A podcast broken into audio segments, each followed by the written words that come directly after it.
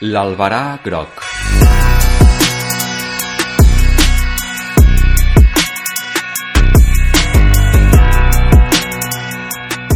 El Pere passa la targeta per la màquina del control horari. El company de seguretat s'ha adormit davant del televisor portàtil. Entra al vestuari i, en sortir-ne, recull el full de trajectes.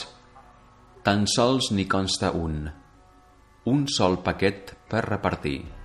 I, en comptes de la furgoneta habitual, rònega i bruta, el transport el farà amb el vehicle articulat que la companyia ha adquirit recentment.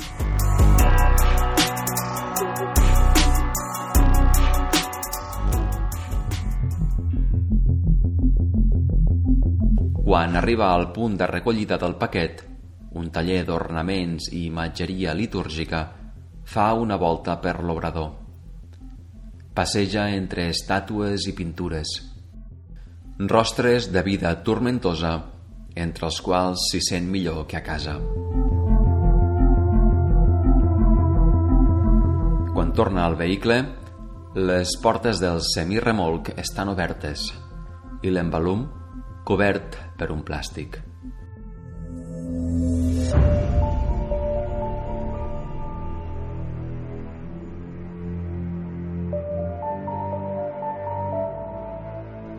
A Ratera, al municipi on el Pere ha de fer l'entrega del paquet, setmanes enrere la presidenta dels parroquians, la Jacinta, netejava l'església enraonant tota sola quan, d'un cop d'escombra, va enviar un objecte sota un dels bancs. La Jacinta el va recollir. Era el tros de falange distal d'un dit polze es va preguntar quina devia ser la imatge que havia patit tal mutilació, de manera que les va revisar una per una. I va resultar ser de Jesús. En concret, se li havia mutilat el polze de la mà esquerra clavada a la creu. La Jacinta va avisar el capellà. Tots dos van contemplar el dit amputat una bona estona i quan el capellà li va demanar si havia trobat la part extraviada, la Jacinta va mentir i va dir que no, al mateix temps que es posava la mà a la butxaca del davantal per assegurar que encara hi era.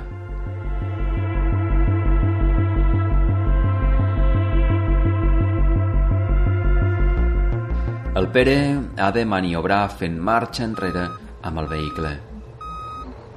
Aparca davant de la plaça i enfila les escales fins a la porta de l'església, on es troba l'escolà, que ha acabat la jornada. L'escolà se'l queda mirant i el Pere li diu que s'hi pot avisar el mossèn, que li porta un paquet.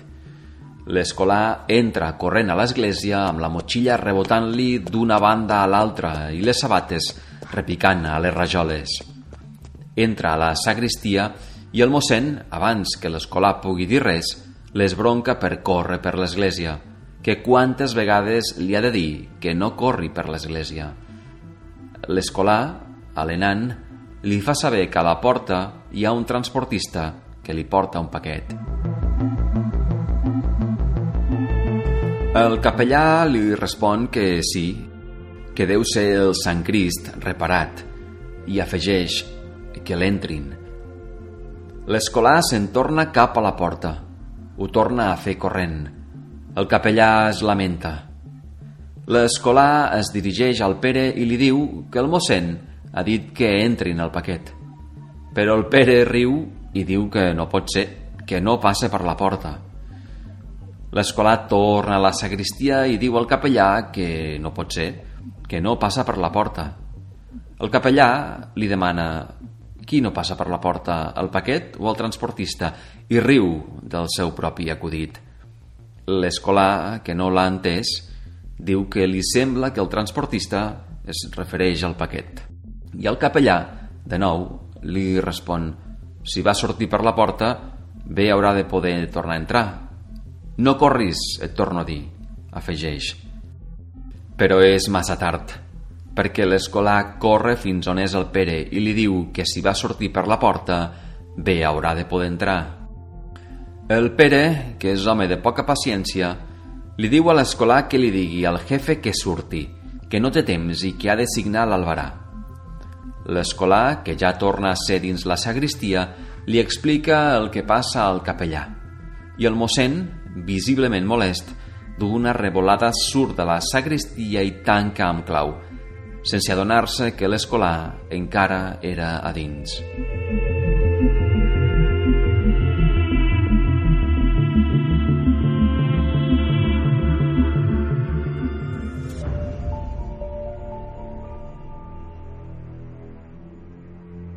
L'endemà, a l'hora de la missa matinal, el Sant Crist no hi era.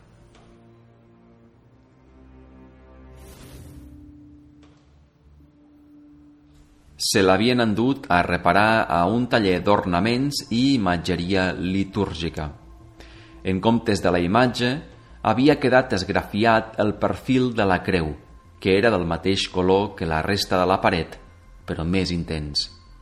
Quan el capellà estava a punt de donar peu a l'Eucaristia, la dona que seia al costat de la Jacinta se li acostà i, xiu-xiuejant, li digué que el dia anterior uns operaris van endur-se el Sant Crist i que a l'hora de posar-lo dins la furgoneta se'ls va escapar i ara no el troben. La Jacinta, atònita, demana si es refereix a Jesús, si és Jesús qui es va escapar.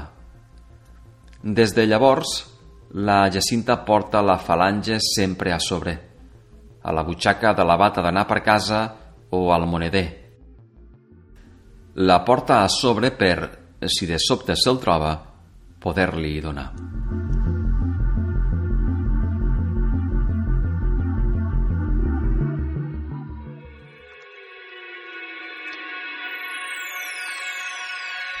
El capellà es queda cara a cara amb el Pere a la porta. Li diu que la seva fesomia li sona i li demana de quina casa sou. El Pere li respon que es deu estar confonent, que ell no és d'aquí. En aquell moment arriba l'alcalde i recrimina al Pere que si creu que aquestes són maneres d'aparcar el vehicle.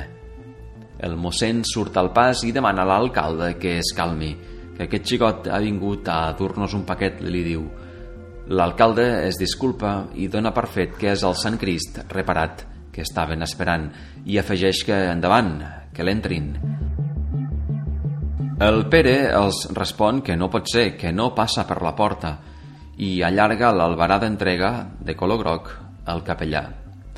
Al mateix temps li demana que el signi. El capellà se'n desentén. Li diu que, com comprendrà, a ell no li correspon signar i que ho demani a l'alcalde. Però l'alcalde també se'n desentén i li diu que li ho demani a la senyora que puja les escales de la plaça, que és la presidenta de l'associació de parroquians.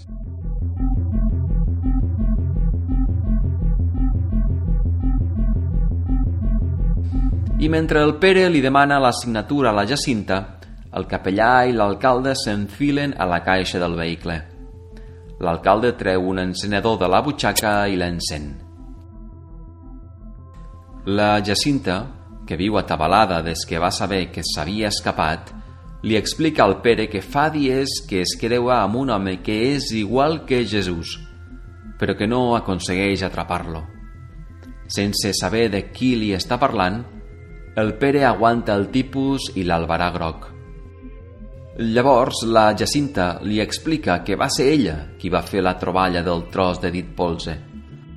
El treu de la butxaca i li ensenya, alhora que es posa l'índex davant dels llavis i li demana que no ho xerri. Segueix explicant-li que el dia que uns operaris van venir a buscar el Sant Crist per dur-lo al taller d'ornaments i imatgeria litúrgica, una Vespino vermella a tota velocitat que conduïa un home de cabells llargs, de tors magre i nu, li va passar a la vora. I l'endemà, n'està segura, el va veure trencar la cantonada del cafè Tonet i va córrer per mirar d'atrapar-lo i donar-li la falange.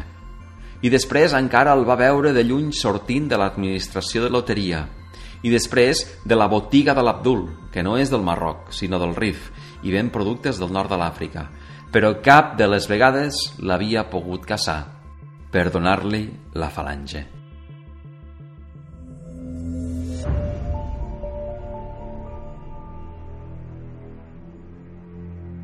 Dins la caixa del vehicle articulat, el capellà i l'alcalde descobreixen que el paquet no és el Sant Crist, sinó una Mare de Déu dels Dolors.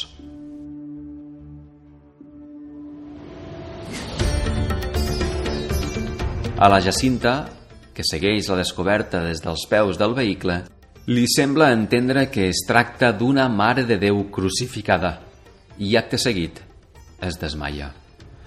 El Pere mira d'ajudar-la i demana al capellà i l'alcalde que truquin una ambulància, que no tarda a arribar. L'associació de feligresos ha fet cap a la plaça. Han descarregat la Mare de Déu i han ofert aigua del Carme a la Jacinta. Dedueixen que la Mare de Déu pertany a alguna confraria de per allà baix el capellà ordena que la guardin al magatzem municipal i que no se'n parli més.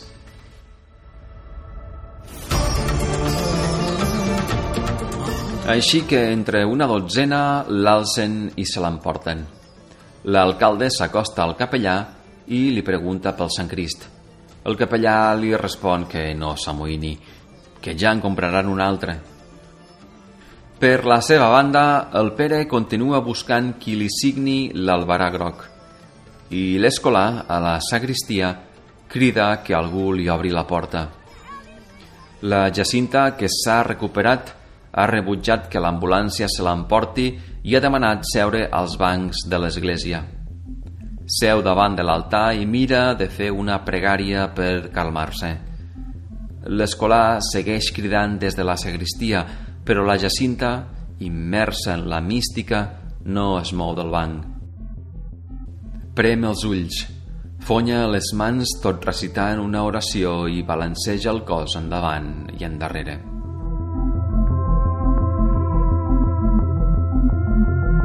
Un home obre la porta de la sagristia. L'escolà, al veure'l, fuig, esperitat, bramant.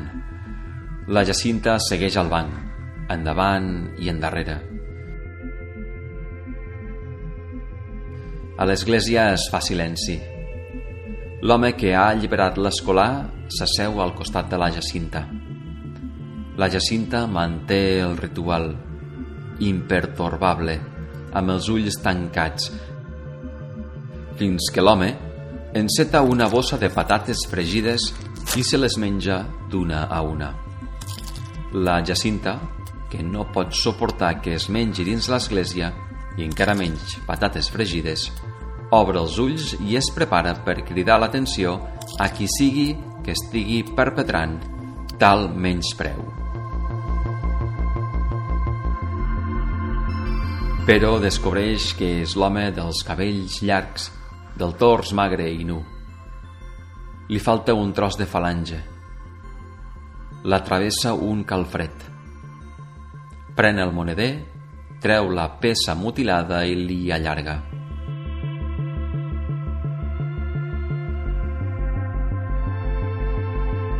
L'home agafa la falange i, com que no sap què fer-ne, li torna i li diu que gràcies, que ja li donarà en un altre moment, que ara no porta butxaques.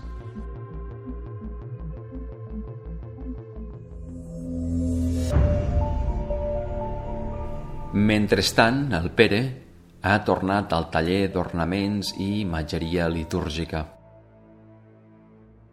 Entra per la porta del darrere.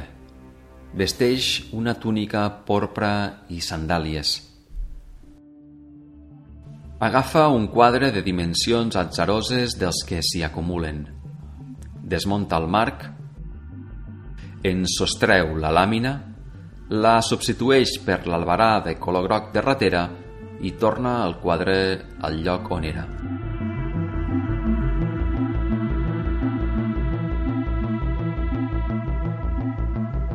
Després s'asseu en un tamboret baix. Passarà la tarda envoltat de sants i santes que es planyen.